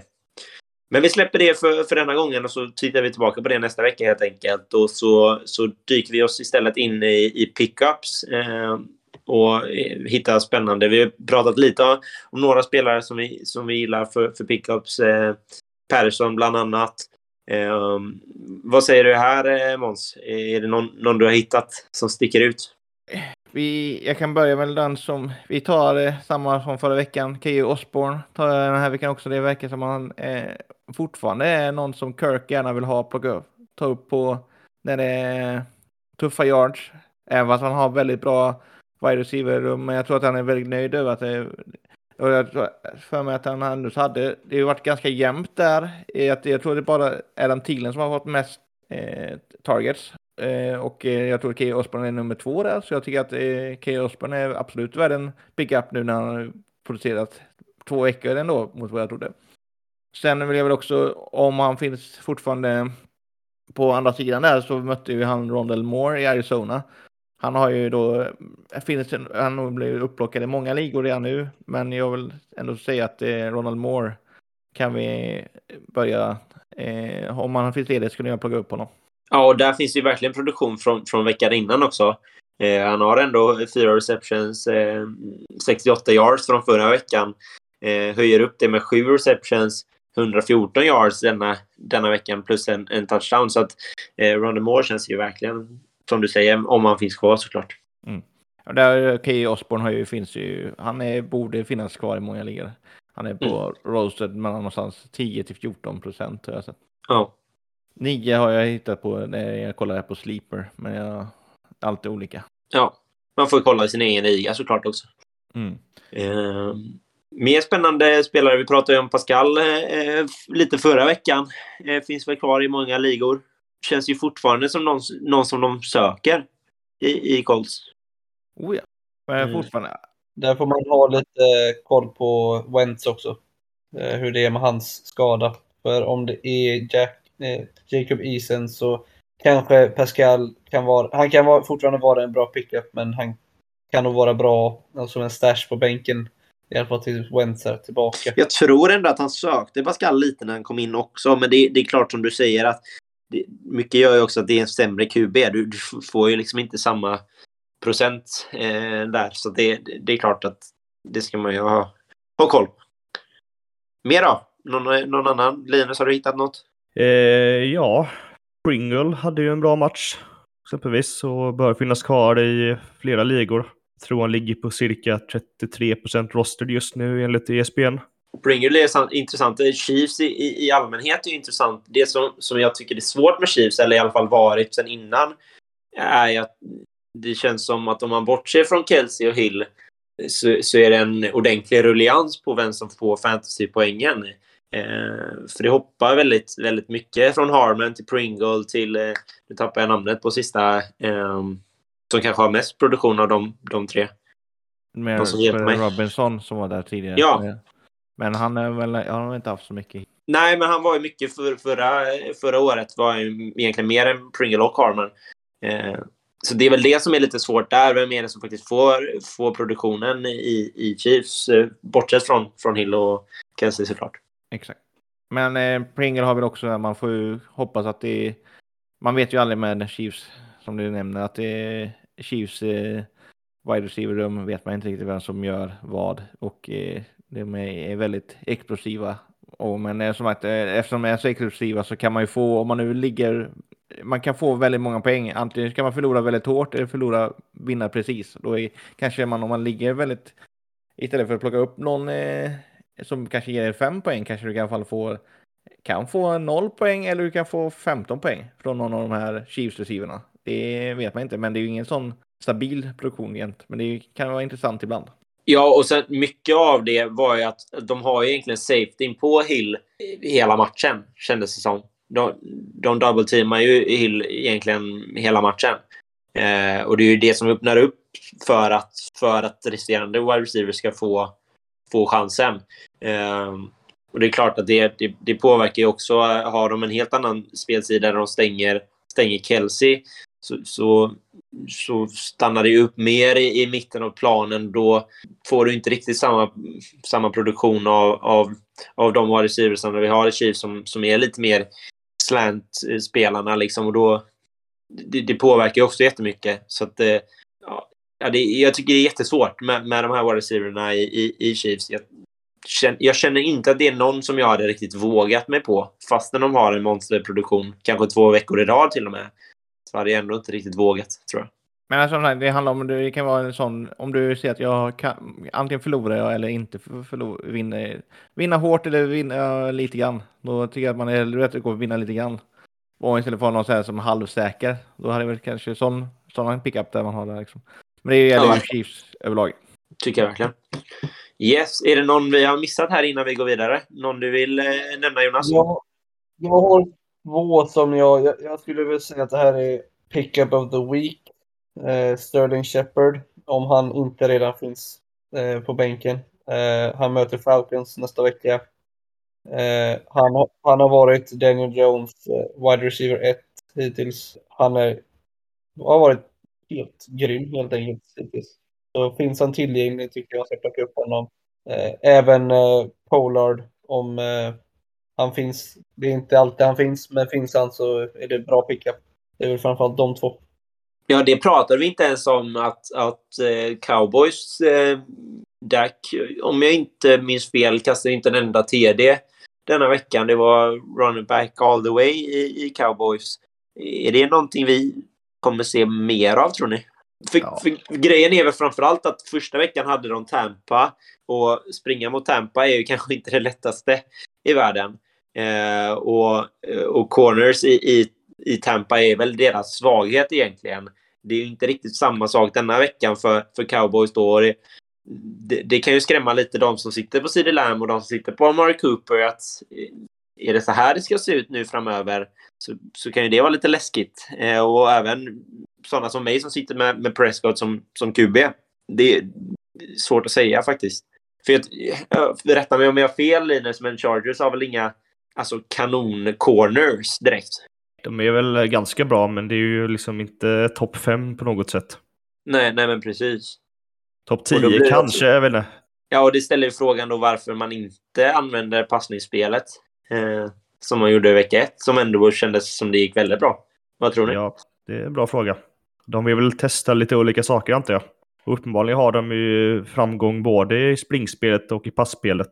De vill, sätta, de vill sätta dig på plats, Linus, och visa att de kan springa. Ja, det är väl ja. det. Det är Sik som lyssnade på podden och sa nu, nu fan måste jag springa. De pratar skit om mig i Sverige. Mm. Det måste jag vara det. Pollard med på köpet också.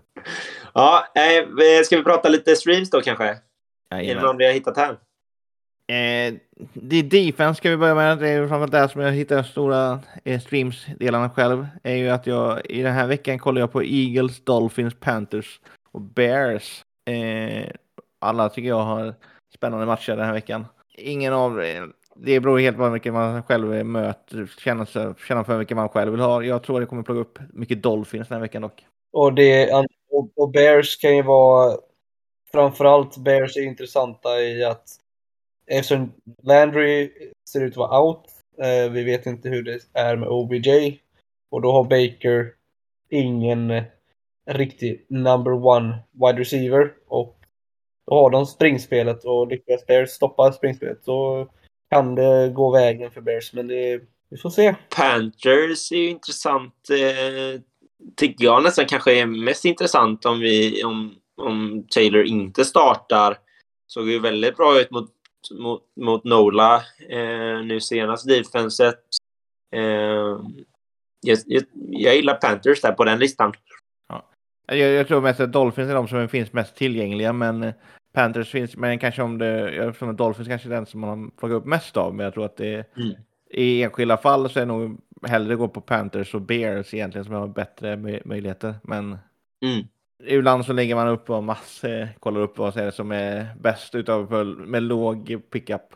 Ja, men precis. Ja, någon, någon, något annat defense, Linus, tänker du på något? Eh, ja, Cardinals möter ju Jacksonville nästa vecka. Där Just. finns det ju möjlighet till att plocka många defense-poäng.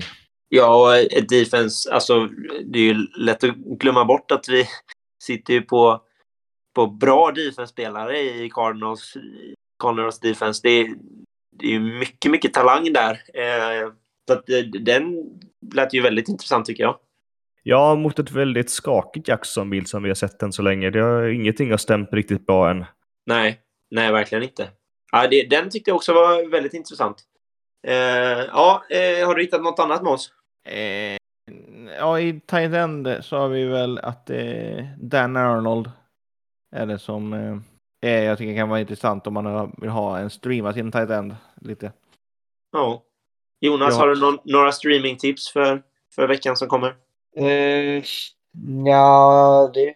Ja, I samband med nu är jag inne. Daniel Jones om han finns tillgänglig om man har streamat eh, QB. Eh, skulle kunna vara någonting mot Falcons. Eh, han har ju faktiskt spelat helt okej hittills. Eh, tror det eller ej. eh, men det är, väl, det är väl han om man, eh, är om man eh, vill streama QB. Ja. Spännande. Ja, vi, vi tar en eh, snabbkik på, på topplistan från, eh, eh, från denna veckan. Eh, hur ser det ut? Yes, jag, vill bara säga, jag vill nästan, eh, jag såg nu att eh, Dolphins möter ju faktiskt eh, Ra Raiders, utan jag bara sitter och såg, jag hade kollat på vilken, vad jag hade. Så jag vill nästan ta bort Dolphins från listan, för jag tror att eh, Raiders kan ha lite field där, de har sett väldigt bra ut hittills. Men Ja. QB-listan här är det ju Kyler Murray, eh, som är hittills bästa QB'n i år, den här veckan. Och eh, det är följt av Lamar Jackson och surprisen är ju då Daniel Jones på 29,4 poäng. Kyler Murray hade ju då 33 och eh, Lamar Jackson hade 34, så nu kanske det är lite konstig ordning här, men det kanske står fel där. Men eh, i RB-rummet är det Henry som är, är ensam på topp där med nästan dubbelt så många poäng. Med, när han sitter på 44 poäng mot McCaffrey 22. Och Pollard på 21,5. Och sen var det ju Cordell Patterson som jag redan har nämnt som var eh, RB 4 med 20,4. Ja, I- Pollard är väl intressant här också i och för sig. Ja, ja. Det är en, en hel del.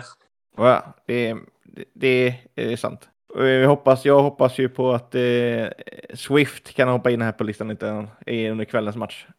I V-rummet är det Cooper Cup på 32,3. Följt av Tyler Lockett på 27,8 och eh, McLaurin på 22,2.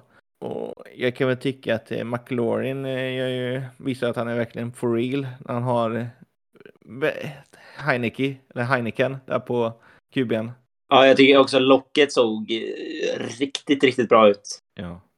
Eh, wow, verkligen. Locket är alltid, sagt, kanske är också en så här som vi nämnde förra veckan att det Chandler Jones var underskattad. Locket är väl en underskattad wide receiver egentligen också.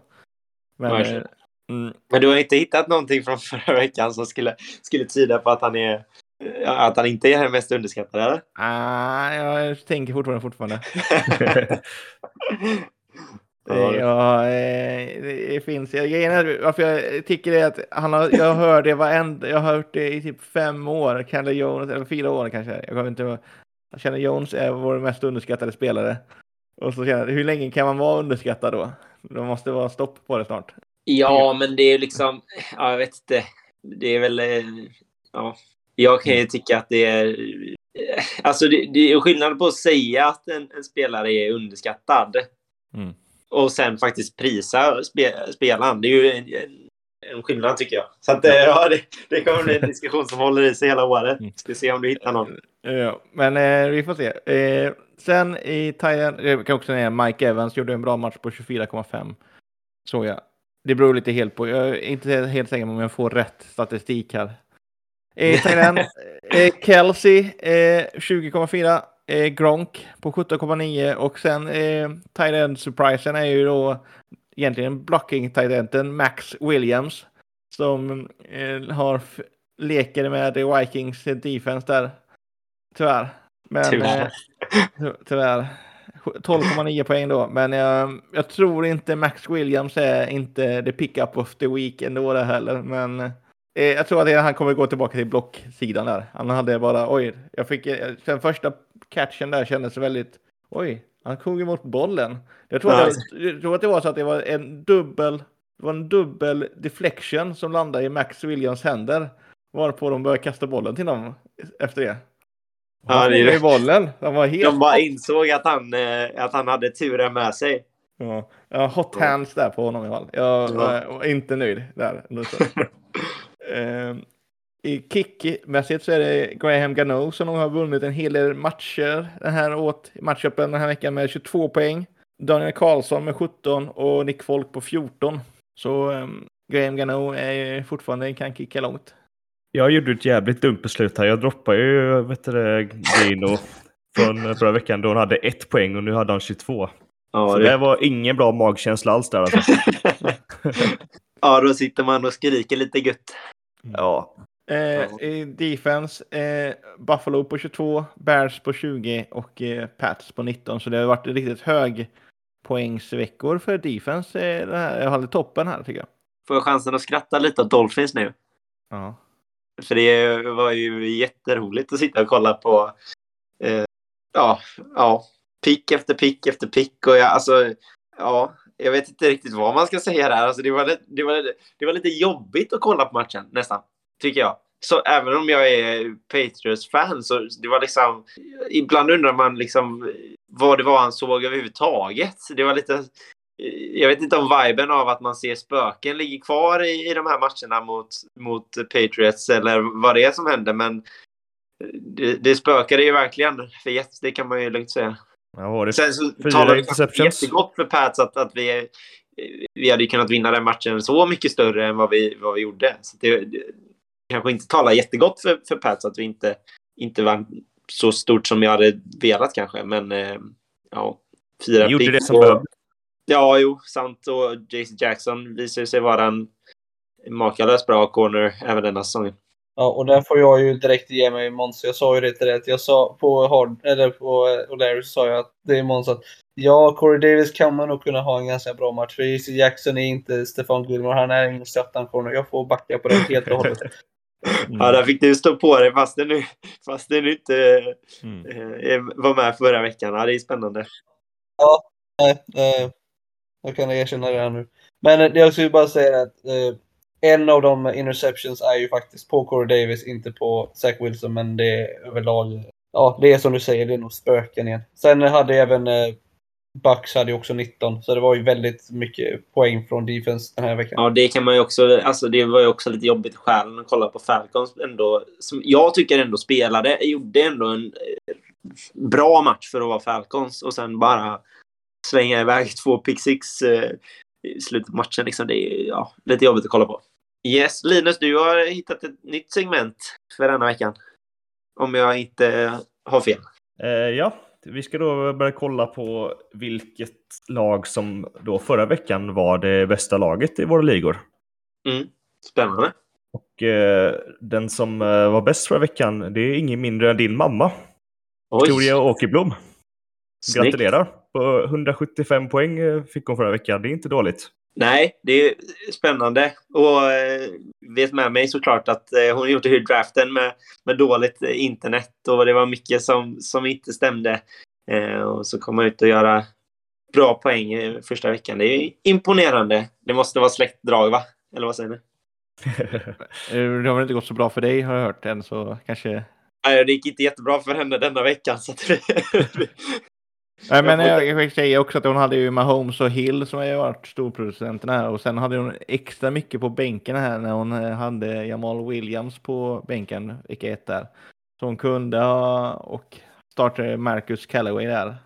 Istället så hon kunde fått upp ytterligare 23 poäng och landa på runt 200 poäng. Det är imponerande mycket poäng ändå. Ja, verkligen. Verkligen.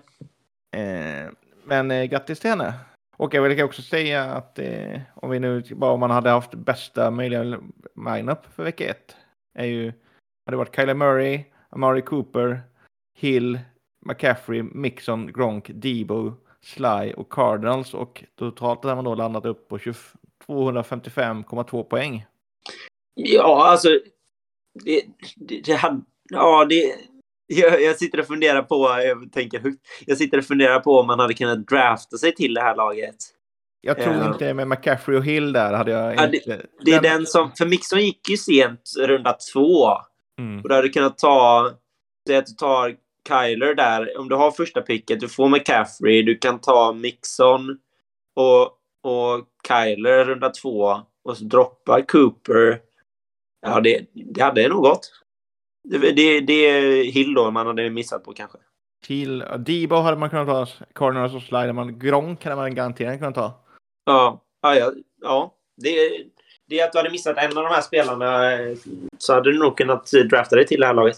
Och om du hade kört auction, det är ju en typ av redraft, då hade du kanske kunnat få ihop det här laget Mm. också. Beroende på vad du hade haft för budget från början, men det, det är nog tight. Det är en grym, Mm. Grym det är tveksamt, men ja. Eh, nej. Det är ju vad är det? Det är väl en så tre prime elite-delar där med både Cooper, nej framförallt Murray, Hill och McCaffrey som är prime i action där. Cooper är väl en, eh, Mm. Cooper och Mixon är ju det här eh, ett tier 2 action. Ja, Gronk och Debo Ja. kunde du nog fått ganska billigt. dollar Ja. styck. Så det är, men det är fall intressant. Ja, nästan i alla fall. Ja, jag tänker att vi, vi ska avsluta denna, detta avsnitt med, med en, en, en intervju. Vi vill ju såklart veta mer om, om dig Jonas. Eh, och, eh, ja, jag lämnar över och så, så, så tar vi en liten intervju där. Yes. Ja, det är jag som har skrivit på frågan här. Jag råkade ju träffa Jonas här en gång i, på Sleeper-appen som är jag och eh, Jonas egentligen är stora supportrar av. Men eh, en del vill ha fan, eh, ISBN fortfarande. Men eh, jag säger ingen om det är, men eh, Nej, för det är inga namn. Inga namn nämnda. Jag tycker det så, känns så skönt att sitta med ESPN nu när man, när man inte har draftat längre. Då känns det jätteskönt helt plötsligt. Jag tycker det var jobbigt att, att drafta, det, det kan jag hålla med om. Men det är nu jag tycker det känns skönt. Det är så cleant och det är så liksom, det är inga barnsligheter med massa robotar som springer runt och fan hans moster. Men det är ju så jobbigt att trada, kolla upp pickupen och allting. Det är, det är så dåligt med statsen och allting. Liksom. Det är för dåligt. Och, och det, är så här, man kan, det känns också fantasy på ISBN är ju mycket tuffare att få upp. Liksom. hela, Ja, måste man in och pilla där och så in och hoppa i det här laget. Nej, usch. Men eh, du, Jonas, vem är du då? Och varför eh, är Sleeper en bättre app? Jag, Jonas heter jag. jag. Som sagt, jag började spela fantasy 2015 när jag bodde i Chicago. Därav Bears som eh, favoritlag. Eh, kom in på Dynasty eh, förra året. Eh, som är den, den spelform jag tycker är roligast numera. Eh, vi som spelar Dynasty säger att det är eh, fantasys finrum. Eh, alla är välkomna nybörjare som proffs. Eh, roddar i ungefär 15 Dynasty-ligor med 18. Eh, och har lite redrafts och lite best balls också. Så det är väl, eh, ja, jobbar som lärare så jag vet inte riktigt hur jag hinner med allt men på något sätt gör jag väl Det skit, skita i att rätta läxor bara så har du hur mycket tid som helst. Du har ju hela sommaren på att kolla upp eh, off-season. Vad är det som är draftmässigt liksom? I sommarlovet. Ja, i, i, I Dynasty finns det ju ingenting som heter off-season. Det heter bara non- non-scoring season. så eh, i Dynasty så går ju fantasy faktiskt året om. Mm. Nej, jag vet. Så tyvärr så. Jag känner det nu att man får hålla ner sina Dynasty-ligor. Hur många Dynasty-ligor var du var med i just nu? 18 om jag räknat rätt. Linus, du tycker väl det är jobbigt här med en här? Jag tycker det låter som. Ja, en Dynasty och tre redraft är tillräckligt mycket att hålla koll på tycker jag.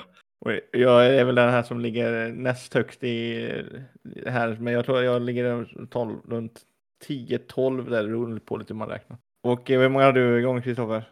Och var så nu vi får veta att det är olika. Eh, denna säsongen har jag valt att köra milt och bara ha de två vi har. Eh, Men tidigare säsonger har jag legat på ja, fem, sex, sju kanske. Är, Jonas är ju riktigt sån eh, finrumskonnässör här med fantasy. Han, han, han, dock så, vi, vi hävdar att vi hinner se mer matcher. Han slipper fixa på waven hela tiden. yes, eh, men eh, du nämnde Dynasty. Vad är det som du absolut ser som ditt favoritdel av Dynasty som du tycker? Eh, ja, alltså när man, är, när man nördar ner sig som jag gör eh, i det här så är det ju det goa är att det, det tar ju aldrig liksom slut med Dynasty. Du har ju eh, när själva scoring season är över, eh, vecka 18 blir det, 17 blir det i år. Eh, så är du direkt på att du får börja titta på rookies som ska komma in i ligan, göra dina rankings. Och sen har du ju rookie drafts och så tradar med picks och sådana grejer. Så det blir ju mer som, som en riktig NFL-lag på ett sätt. Du får liksom lite mer den känslan för det. Och du lär dig också mer om de här, som vi säger, no-name-spelarna lite grann. Om vi tar till exempel Elijah Mitchell. Han i en rookie, rookie draft eh, nu i eh, våras så gick han kanske i fjärde rundan eller kanske inte alls draftad i, i rookie drafter. Och nu är han liksom, ja, vissa kanske till och med kan trada till sig honom mot ett första runda val i ligor. Ehm, så det händer ju väldigt mycket i Dynasty också och det är ju det som gör det väldigt roligt. Sen är det också att det finns ju mycket lättare att göra trades i Dynasty som jag tycker är lite spännande också att man får mer av hela hela delen, alla momenten som finns i en eh, fantasymässigt. Det, det, du kan, oj, jag är långsiktig eller kortsiktig. Om du, det har aldrig riktigt i redraft, utan det handlar om att det är väldigt mycket byta lika bra spelare mot en lika bra spelare. Ja, det, det, har... det, är svårt att göra det ja. i Dynasty. Där är det en helt annan sak. Och därför jag kan jag tycka att Dynasty har en viss charm också. Eller en stor charm. För min egen skull. Eh, och vad, vi kan väl också, om vi nu pratar lite vidare här, vad är det för, vi tänker oss i redraft eller i, liksom i contender mode här, om, om att contender är ju en, när man är möjligt att vinna titeln i Dynasty kan vi säga. Men vad är det för spelare du har samlat på dig framförallt i år?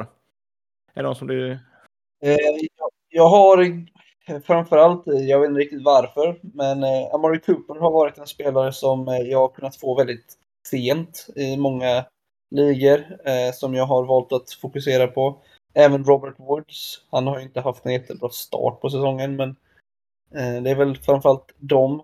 Eh, och sen eh, är jag väldigt hög på David Montgomery. Inte bara för att han är Bears-spelare, utan för att jag har, tycker att han har utvecklats varje säsong.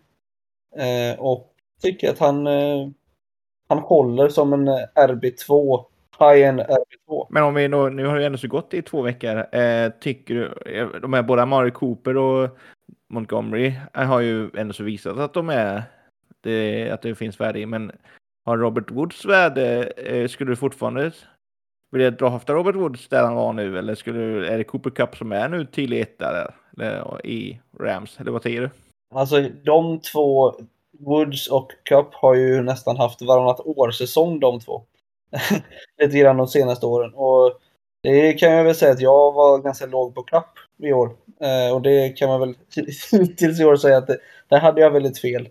Eh, men jag tror att Woods kommer komma tillbaka. Men jag tror inte han kommer vara en topp 12 wide receiver så jag trodde han skulle vara den här säsongen. Det ser ut som att det är... Jag var med på den, eh, och den eh, Blue Waden, om man säger det här. Jag var, drack den av Robert Woods-dricken också. Så var väldigt låg på Cooper Cup i jämförelse med Woods. Så, eh, jag känner igen den här den delen.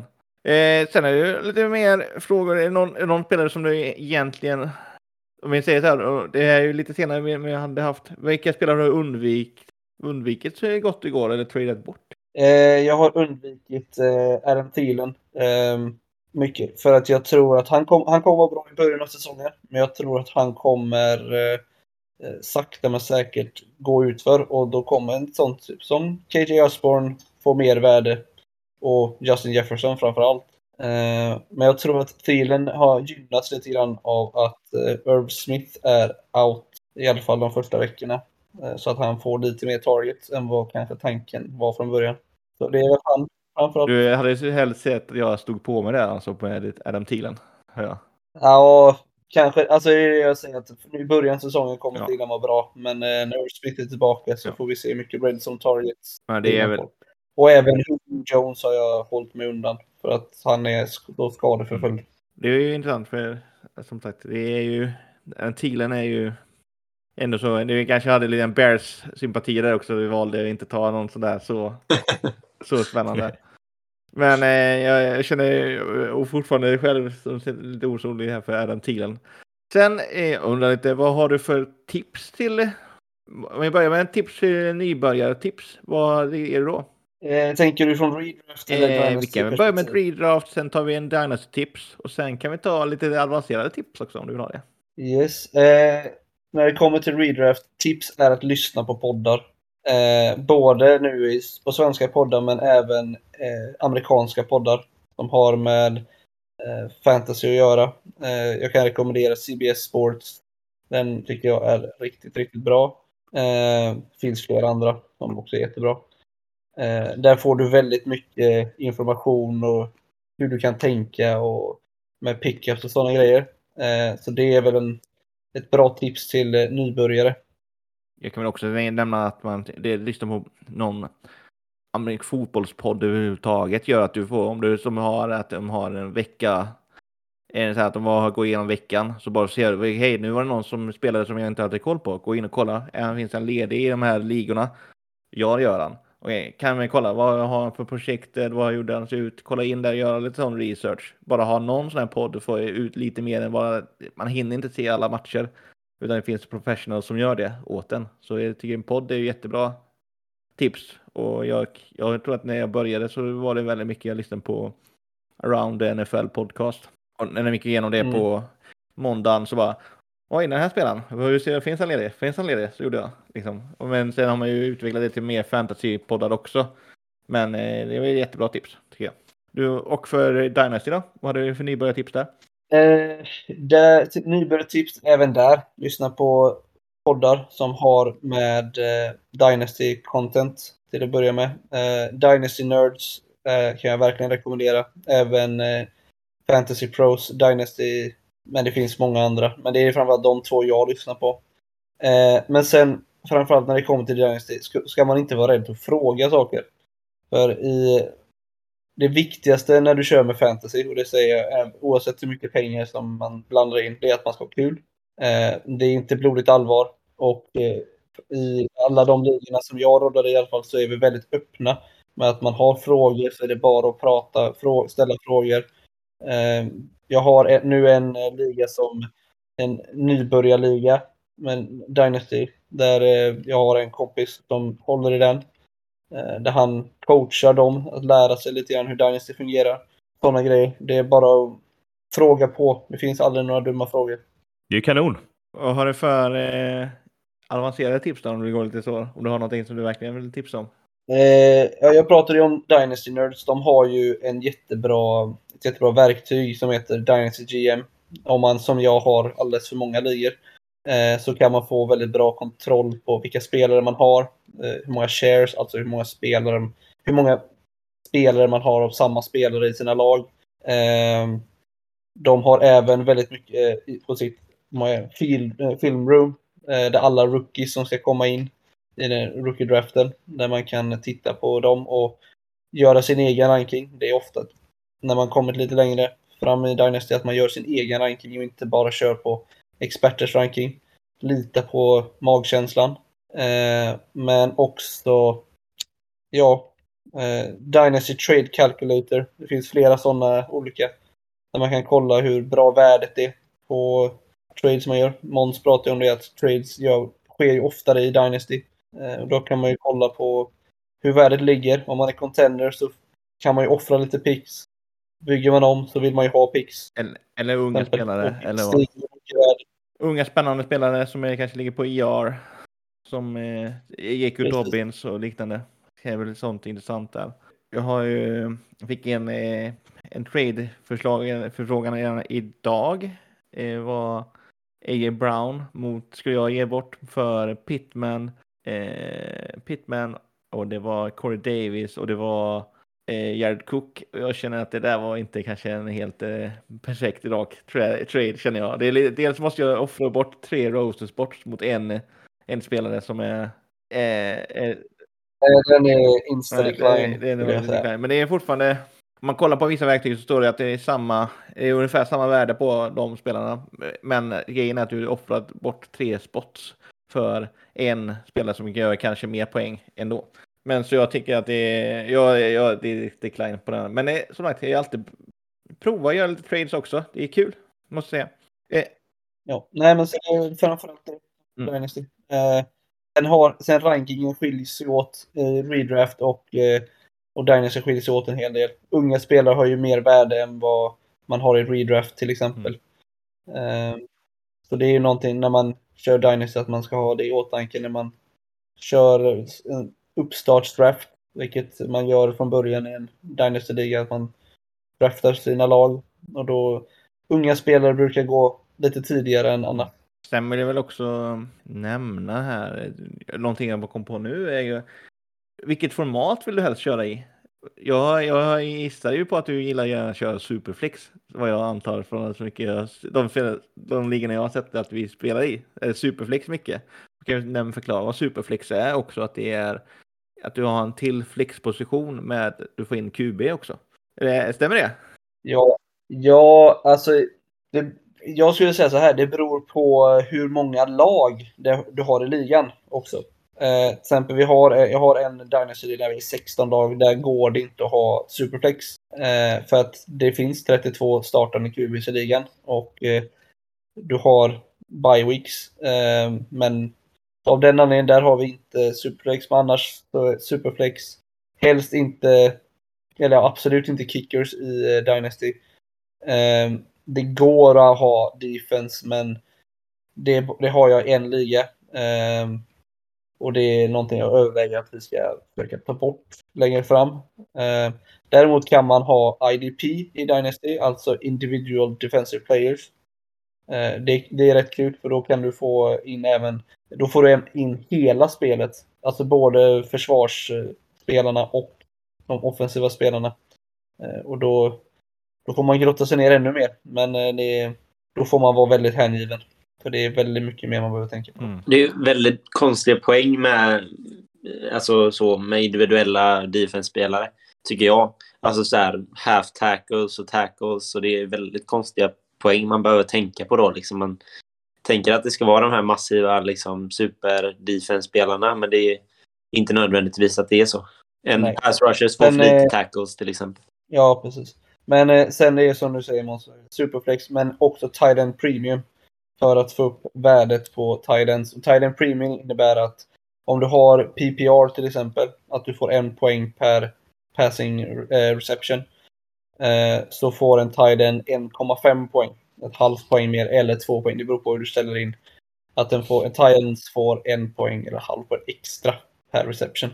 Det är vad Tiden Premium innebär och det tycker jag det höjer värdet på Tidens och i Dynasty så kan det vara värt ha det så.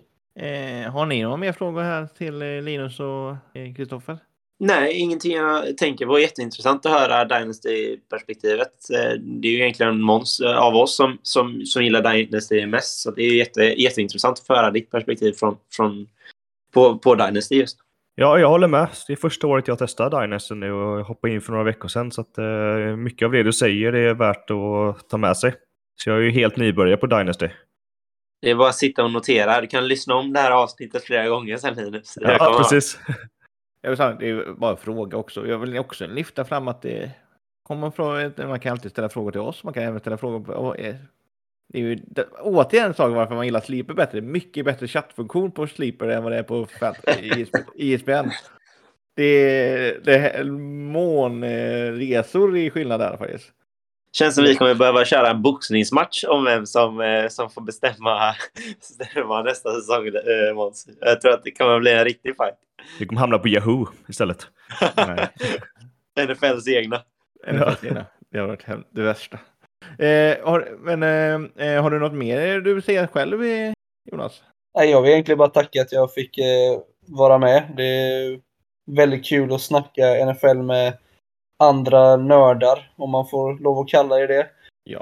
Um, det är bara underbart och alltid kul att vara på O'Learys. Så har man vägen förbi, bara ställa frågor. Jag kommer antagligen vara där på lö- söndag, jag på att säga lördag, men då har jag inte tänkt att vara där, men söndag. Så det är bara att ställa frågor. Ja. Och man hittar mig på Sleeper med användarnamn Hammar93. Så det är bara att skicka ett DM om man har någon fråga. Eh, sista fråga här förresten. Hur känns det att IFK verkar förlora? det känns skönt att inte se matchen kan jag säga. det var bättre att göra det. Jag kanske spoilade det där, men jag visste inte. Jag känner som att det är inget... Jo, jag, jag, jag Det är för jävligt. Jag bara, ja. ville, du, du, var väl på IFK innan du var på O'Learys i förra veckan? Så. Ja, precis. Jag var på Blåvitt. Eh Halmstad och sen kom jag direkt från matchen till O'Learys. Ja, det är så det ska vara. Ja. Jag kan ju säga också att jag, så som det ser ut nu i alla fall, så kommer jag också hänga med på, på denna söndag som kommer. Eh, så om ni inte har kommit för att ni vill träffa mig, då är det dags, det är dags att komma till O'Learys. Ja, det är toppen. Vi alla, alla kan ta fram Sleeper-appen och visa Kristoffer hur bra den är jämfört med ISBN. Det är, eh, jag kommer ju tyvärr inte vara med tyvärr, för jag ska fira bröllopsdag som jag tycker prioriterar mycket högre än detta. Så, men det kommer nästa, kan komma om, två veckor i alla fall. Så ni vet. Ja, det är snyggt. Ja, det är inte så att jag inte har spelat på Sleeper innan. Men vi ska inte bråka mer om det. Eh, vi, vi passar på att tipsa om att vi finns på Discord, ska jag nämna först, nu så inte Linus blir sur på mig. Eh, Instagram eh, och så Facebook framför allt. Eh, Facebookgruppen har ni. Eh, och så, som Måns var inne på, ställ frågor. Där har ni ju eh, massa, massa olika ställen att, att ställa frågor till oss eh, om ni har någonting ni vill eh, att vi ska ta med i, i podden eller bara ha en snabb fråga vem de ska starta eh, eller vad det nu kan vara så, så hittar ni oss lite överallt. Eh, men framförallt på Lears. Ja, och gillar du det vi gör så får du jättegärna stötta oss på Patreon med en valfri summa. Det uppskattas. Ja, skitbra. Eh, och lite liten budget för våran del så att vi kan planera lite framöver. Det är toppen. Ja, men vi säger så för denna gången eh, och så, så syns vi på, på söndag. Ha det gott! Ha det gott. Hej, hej. Ha det.